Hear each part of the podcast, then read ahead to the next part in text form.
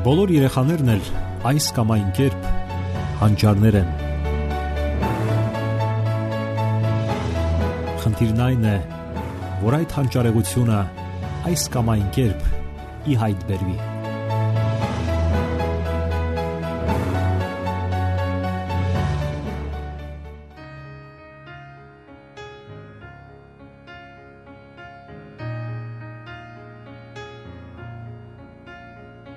Բարև ձեզ սիրելի ռադիո լսողներ, եթերում դասերակցություն հաղորդաշարն է։ Որքան տարբեր են ծնողները, այնքան էլ տարբեր են դասերակցության մասին նրանց մտածումները։ Սակայն կան ընդունված սկզբունքներ, որոնք բխում են մարդկային մանկական հոգեբանության առանձնահատկություններից։ Իհարկե բոլոր ծնողներն էլ իրենց երեխաների լավն են ցանկանում, սակայն հիմնախնդիրն այնտեղ է, որ յուրաքանչյուրը յուրովի է հասկանում այդ լավը։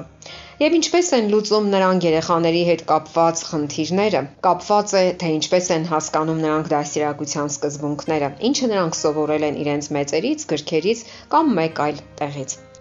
Այսպես օրինակ, ծնողների մի մասը այն կարծիքին է, որ բավական է հագցնել ու կերակրել երեխային, իսկ մնացածը նա ինքը կսովորի։ Կշփվի մարդկանց հետ եւ կյանքը կսովորեցնի, կամ էլ իրենք ինքնուրույն կսովորեն։ Որոշ ծնողներ էլ այն տեսակետին են, որ հարկավոր է ազատ դաստիարակել երեխաներին։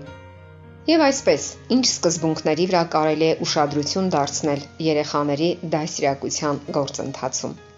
Շփման ոճը հսկայական նշանակություն ունի դաստիարակության մեջ։ Շատ ծնողներ առաջնորդվում են բնական մղումներով, առանց իրենց նեղություն տալու, թե ճիշտ են արդյոք դրանք թե ոչ։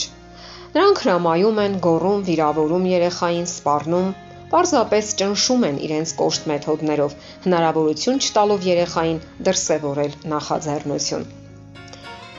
Մեծահասակները կարծես պատրաստի պատասխաններ են առաջարկում փոքրիկներին, համոզում հետևել դրանց։ Եթե չի ստացվում, հրամայում են, մեղադրում, սպառնում։ Իսկ երբեմն էլ չափազանց շատ են գովում կամ ծաղրում։ Արդյունքում երեխան հնարավորություն չի ունենում դրսևորելու սեփական հակումները։ Հասկանալի է ծնողների բարի դիտավորությունները, սակայն ավելի ճիշտ կլինի հնարավորություն տալ փոքրիկներին գործելու եւ սեփական սխալների վրա սովորելու։ Այսպես թե այնպես նրանք գործելու են այդ սխալները եւ վաղ թե ուշ ունենալու են փորձառության իրեն ժամանակահատվածը եւ հոգեբանները դասիրակչական այդ մեթոդները անվանում են բռնակալական, այլ ոչ թե վստահելի։ Բռնակալական մոտեցման դեպքում ծնողների եւ երեխաների միջև երբեք չի կարող լինել անկեղծ, վստահելի եւ ամուր շփում։ Երեխաները պարզապես կհնազանդվեն ծնողների հրամաններին եւ ոչ մի ձևով չեն զարգանա։ Պատկերավոր ասած, ծնողները կարծես կտրում են երեխաների թևերը։ Դասիրակության մեջ շատ կարևոր է բարեկամական ոճը։ Երբ ծնողները պարզապես բարեկամություն են անում երեխաների հետ, այս դեպքում նրանք չեն հարթեցնում երեխաների ճանապարհը, այլ թողնում են, որ նրանք անեն դա։ Նրանք այն կարծիքին են, որ երեխաները իրենք կարող են անել ամեն ինչ իրենց ուժերով։ Ծնողները վերլուծում են երեխաների արարքներն ու քայլերը, փորձում հասկանալ, թե ինչով է օժտել բնությունը իրենց երեխաներին Այդպիսի երեխաները իրենք են հաղթահարում կենսական դժվարությունները եւ իրենց կյանքում տեղ գտած ճգնաժամային պահերը։ Այս դեպքում երեխան իսկապես մեծանում է ինքնուրույն, սակայն միևնույնն է, նա դեմ չի լինի օգտվել ծնողական սատարումից ու խրախուսանքից։ Նրա համար դժվար է հավատալ սեփական ուժերին եւ լիակատար վստահությամբ գործել կյանքում։ Ինչ անել Ծնողները պետք է հասկանան մի կարևոր անառարկելի ճշմարտություն. երեխան գոյություն ունի եւ հենց դրա համար նրան պետք է սիրել։ Ոչ թե նվաճումների, լավ արժանինքների կամ լավ արարքների համար, այլ պարզապես այն բանի համար, որ նա գոյություն ունի։ Ինչն է հաճախ մանկական հիմնախնդիրների պատճառը։ Վախը, ցավը, վիրավորանքը։ Վախ ոչ չի կարող լինել այնքան լավ, ինչպեսին ցանկանում են իրեն տեսնել ծնողները Հարկավոր է լսել ու հասկանալ փոքրիկին, կարեկցել նրան, շփվել դրական նոտաների վրա, այլ ոչ բացասական։ Ասենք՝ դու այսպիսին ես, դու այնպիսին ես, մի աղմկի, մի արա։ Հոգեբանության մեջ այսպիսի մոտեցում գոյություն ունի 10 համբույր օրվա ընթացքում։ Պարզվել է, որ դժվար երեխաներ ցուցակի մեջ գերակշռում են հենց նրանք, ովքեր զգայուն են, ովքեր կարիք ունեն առավել մեծ ուշադրության ու քնքշանքի, ըմբռնող վերաբերմունքի։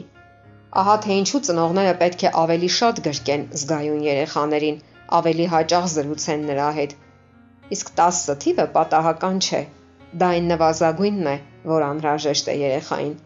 Անհրաժեշտ է ապացուցել երեխային, որ նա սիրված է, ցանկալի եւ կարեւոր։ Ապացուցեք նաեւ, որ նա կարող է ամեն ինչ անել։ Հոգեբաններն այն կարծիքին են, որ երբ երեխան սիրված չի զգում իրեն, ճնշված եւ վիրավորված է զգում, դա պատճառ է դառնում ամեն տեսակի մանկական անբնական երևույթների աճին ու զարգացմանը։ Իսկ պատիժները միայն ավելի են խորացնում իրավիճակը։ Հարկավոր է կարևորել սերը, հասկանալ երեխային, հարգել նրա մանկական աշխարհը։ Իսկ եթե ինչ-որ բան եք պահանջում, ապա միայն հիացմունքի ու գովասանքի միջոցով։ Խոսքերը եւս կարևոր են երեխայի հետ շփման մեջ։ Եթե երեխան ունի ինչ-որ հարցի պատասխանը եւ հարցնում է ինչու, ծնողները պատասխանում են։ Հարցնում ես ինչու, որովհետեւ ես այդպես եմ ցանկանում։